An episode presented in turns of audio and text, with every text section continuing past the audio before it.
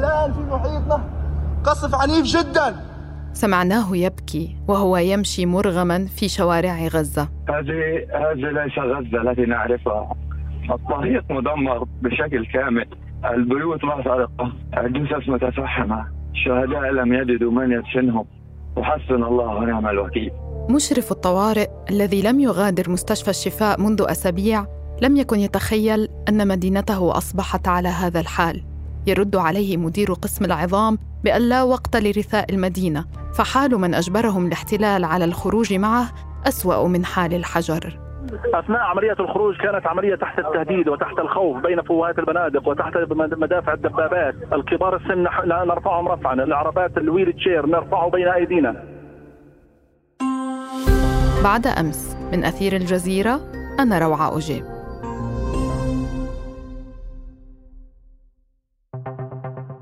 ساعة واحدة لإخلاء مستشفى الشفاء. هذا ما منحه الاحتلال الإسرائيلي لأكثر من 1500 مدني في مجمع الشفاء الطبي بين مرضى وطاقم طبي ونازحين. قال مصدر طبي للجزيرة إن جيش الاحتلال أمهل الأطباء والمرضى والنازحين في مجمع الشفاء الطبي. ساعة واحدة لإخلاء المجمع. لم يكن الطلب واقعيا فكيف يمكن إجلاء مرضى الحالات الحرجة والذين لا يقون على المشي بدون سيارات إسعاف وبدون ضمانات بعدم الاستهداف؟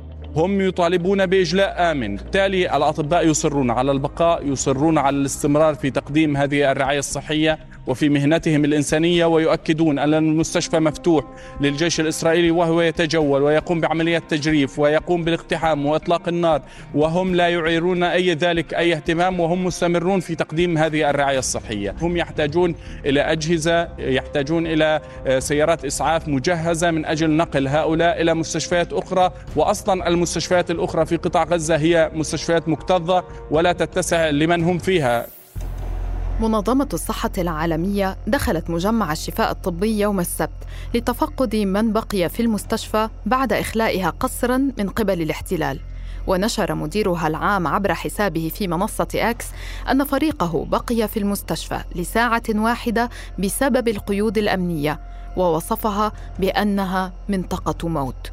وقال إن إخلاء المرضى الذين لم يقوا على الخروج سيجري خلال يوم إلى ثلاثة أيام. هذا ما أكده المدير العام للمستشفيات بغزة. الأخوة في ال WHO منظمة الصحة العالمية أبلغونا أنه سيتوجهون إلى مجمع الشفاء بست سيارات إسعاف من الهلال الأحمر الفلسطيني لإحضار الأطفال الحضانات. وهناك يعني العدد الإجمالي الآن الدقيق 291 آه، جريح. ومريض موجودين في مجمع الشفاء الطبي ومعهم 25 من الطواقم الطبية 20 ممرض وخمس أطباء. السؤال الأهم إلى أين يتم إجلاؤهم؟ إلى مستشفى المعمداني المحاصر أو المستشفى الإندونيسي الذي ضرب محيطه بحزام ناري عنيف وسقطت عليه مناشير تنذر بمزيد من الاستهداف. حزام ناري. مستشفى سألنا المتحدث باسم اللجنة الدولية للصليب الأحمر في غزة هشام مهنا عما إذا طلب منهم تنسيق إجلاء المرضى من مجمع الشفاء.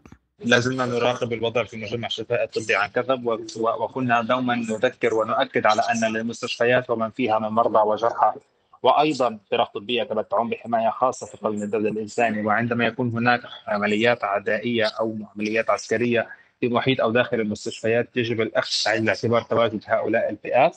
بالنسبة لوضع مجمع الشفاء الطبي لقد استقبلنا آه، طلبات من وزارة الصحة بإجلاء مجمع الشفاء الطبي ولكن هذه عملية معقدة جدا ونحن على استعداد لممارسة دورنا المعهود كوسيط إنساني محايد ولكن ذلك يتوقف على اولا أن يكون هناك ضمانات أمنية من جميع الأطراف فيما يتعلق بدخول فرقنا بأمان وخروج هذه الفرق مصحوبة أو مصاحبة للمرضى والجرحى وهم فئات أكثر ضعفا مما كانوا في السابق. ثانيا نفتقد إلى التحضيرات والتحضيرات اللوجستية التي تمكننا أيضا من إخلاء آه هذا الكم من المرضى والجرحى وأسرهم بالإضافة للفرق الطبية. ولكن ما هو الوضع في مستشفيات الشمال؟ وهل هي قادرة على استيعاب المرضى والمصابين؟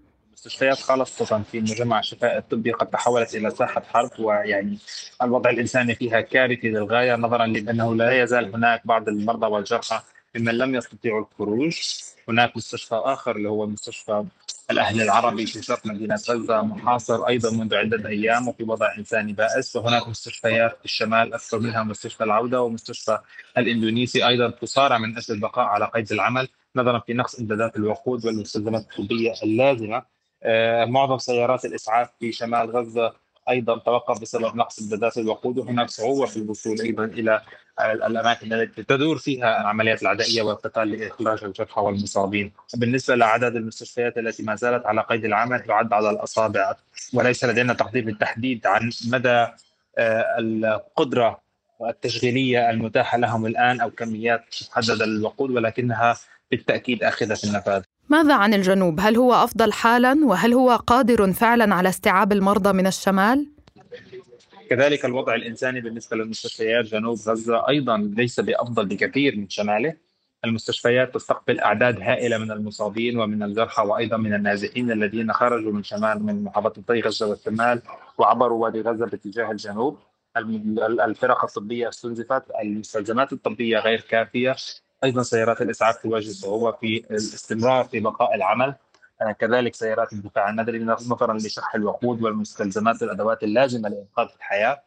فرقنا كصليب أحمر واطبائنا وجراحينا لا يزالون يواصلون العمل جنبا إلى جنب مع الاطباء الفلسطينيين في مستشفيات جنوب غزة لإجراء العمليات الجراحية بمختلف أنواعها. للأسف معظم هذه العمليات تجرى لأطفال تعرضوا لحالات حروق شديدة جدا وإصابات بالغة جدا، هناك أطفال من تعرضوا للبتر أطرافهم ولاحظ أحد اطبائنا خروج الديدان من يده أو من ذراعه.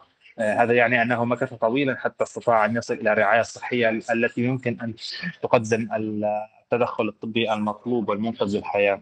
كذلك لا تزال هذه المستشفيات تعج بالنازحين الذين اتخذوا منها ملجا أو ملاذا للأمان وهذا يشكل ضغطا اضافيا على المستشفيات والفرق الطبية في ظل شح الإمكانيات والسبل التي تمكنهم من مواصلة عملهم كأطباء وأيضا آه، إمدادات المياه والطاقة المحدودة جدا المتوفرة في المستشفيات والتي لا تكفي للجميع. الخناق يتضاعف اذا حول المستشفيات في الشمال وكأنها العدو الأول لجيش الاحتلال. ما يعيدنا للسؤال الذي طرحه الأطباء حين وصلتهم الأوامر بمغادرة الشفاء. لماذا أراد الاحتلال الإسرائيلي إخلاء المجمع وهو يتجول في أروقته منذ يوم الأربعاء؟ اقتحمه وداهم أقسامه المختلفة وصور أدلته المزعومة وعرضها للعالم. ولم يعثر على مقاتلي المقاومة فقط على جثة الأسيرة المجندة التي كان القسام أعلن قبل أيام أنها قتلت إثر قصف زملائها لغزة. أظن أن استهداف المستشفيات كان جزء من خطة تهجير أهالي غزة لأنهم قطعوا الأكل عن أهالي غزة وقطعوا الماء والدواء وبالتالي سوف يحرمونهم أيضا من العلاج مما يضطر أهالي غزة إلى الخروج بحثا عن العلاج والطعام. الأستاذ أنيس القاسم المحامي والخبير في القانون الدولي أهلا وسهلا بك. سمعنا شهادات من خرجوا من المشفى يؤكدون أن قوات الاحتلال رفعت البندقية في وجههم لتجبرهم على المغادرة وأنهم خرجوا قسرا فيما سارع المتحدث باسم جيش الاحتلال للتصريح عبر منصة أكس بأن إدارة المستشفى هي التي طلبت مغادرة المرضى وأنهم لم يجبروا أحدا. لماذا ينفي ما يقوله الناس عن حالة الإجبار التي فرضها عليهم الاحتلال للخروج من مستشفى الشفاء. أعتقد أكثر من جريمة الحرب هي جريمة إبادة. لا يعقل إنه شخص موجود على جهاز تنفس اصطناعي إنه يغادر المستشفى طوعا. ولذلك أعتقد هذا المقوله مقوله فاسده ولا يعني لا تركب.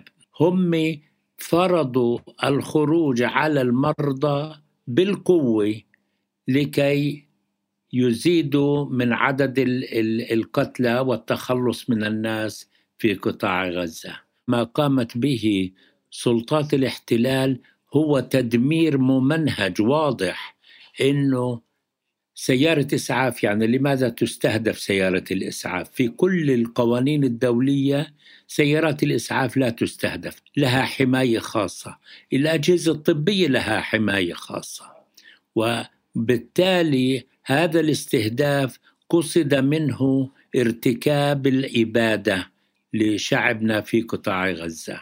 ما هي المعطيات القانونية التي يمكن الارتكاز عليها لإعداد ملف جريمة حرب ضد إسرائيل والتقدم بها للمحكمة الجنائية الدولية؟ أنا بعتقد إنه إحنا عندنا قضية واضحة وضوحا تاما وأسهل من جرائم الحرب هي جريمة الإبادة لأنه عندنا تصريحات رسمية من أعلى سلطات ومن أعلى المسؤولين في دولة الاحتلال أنهم يقطعون الماء والدواء والغذاء والوقود والمأوى. وقالت محكمة العدل الدولية في إحدى الدعاوى هي دعوى كرواتيا ضد صربيا إنه حرمان الناس من الأكل والدواء والمأوى هي عناصر لجريمة الإبادة. هو ما ارتكبته قوات الاحتلال من جرائم في الاعتداء على المستشفيات بحد ذاتها مثلا هي جرائم حرب لأنه الإخلال بالتزام جوهري من الالتزامات التي نصت عليها اتفاقيات جنيف يعتبر جريمة حرب. لا يوجد هناك تبرير لاستهداف المستشفيات وقطع الأجهزة الطبية ومصادرتها أصلا. وإخراج المرضى. هذه جميعها مخالفات جسيمة لاتفاقيات جنيف مما يشكل أنها جرائم حرب. ما هي الثغرات القانونية التي تستند إليها إسرائيل للتهرب من المحاسبة؟ صحيح أن اتفاقية جنيف والبروتوكول الأول لاتفاقية جنيف تحرم استخدام المستشفيات والأجهزة الطبية والمركبات الطبية والممرضين وإلى آخره. وفي هناك حماية كافية للأجهزة المستشفيات والأجهزة الطبية. ما وجدوه لم يكن ليشكل مبررا قانونيا لاقتحام مبنى الشفاء وحرمان المرضى من الاستفادة من أي تسهيلات ظلت أو بقيت في هذا المستشفى. الوهم اللي أعطوه اللي اللي صوروه في الإعلام الإسرائيليين والإعلام الأمريكي أيضا أوهمنا إنه قيادة حماس موجودة في البيسمنت لمجمع الشفا ولما دخلوا لا تشكل لا يوجد ما ينبئ انه هذه كانت قاعدة أو تشكل قاعدة ولا توجد آثار تنبئ أن هذه هذا المبنى يمكن أن يكون قاعدة لقيادة حركة ثورة. ما فيها شيء كل اللي جابوه حتى لو صدقنا التصوير لا تشكل عناصر آه، لقيادة مقاومة مثل قيادة حماس. الاحتلال في المقابل يعرف كل هذه القوانين الدولية ويعرف قوانين تجريم الإبادة وما هنالك، كيف يمارس كل هذا بهذا الوضوح؟ يمارس بهذا الوضوح والوقاحة لأنه يتمتع بحماية الدول الإمبريالية، يتمتع بحماية أمريكا وبريطانيا وفرنسا وألمانيا. هؤلاء الذين آه، بيدهم السلطة العليا ولا سيما الولايات المتحدة. والولايات المتحدة تقدم للاحتلال بوليس التامين على الحياة ضد العقوبات وبالتالي يتمادى وهذه ليست المرة الأولى التي يتمادى. الاستيطان جريمة مستمرة أصلا ويومية. هذه القوانين الدولية وهذه البروتوكولات وهذه الاتفاقيات كلها تطورت على مدى السنوات والعقود الماضية لتمنع ما يجري اليوم من إبادة في غزة. فكيف يستمر العالم بمشاهدة إبادة ويتحدث كل الخبراء والحقوقيون بأن هذه إبادة مكتملة الأركان على مرأى العالم وما زالت مستمرة؟ الإمبريالية الأمريكية البريطانية الأوروبية والغطاء الذي تقدمه الإمبريالية لهذا العدوان واضح وضوحا تاما أن المعايير التي تستخدم للعالم الثالث غير المعايير التي تستخدم للعالم الأول. نحن عالم ثالث. نحن لسنا أوروبيون وبالتالي هناك نقوص شديد فضحة هذه المجزرة. أوروبا لم تنتج للبشرية إلا النازية والفاشية والصهيونية. ثلاث آثام كبرى شهدها العالم من إنتاج أوروبا. الواضح أن الاحتلال ماض في مخططاته حتى لو كانت على حساب القوانين والأعراف الدولية. أما المحاسبة فهي مسألة معقدة وتخضع لحسابات سياسية وتأخذ وقتا طويلا. وقت لا يملكه مئات الآلاف من المدنيين العالقين تحت النار في قطاع غزة. بعد أمس من أثير الجزيرة. تابعونا عبر كافة منصات البودكاست وأرسلوا لنا أسئلتكم ومقترحاتكم في التعليقات وعبر حسابات أثير على مواقع التواصل الاجتماعي. دمتم بخير ونلتقي بعد أمس.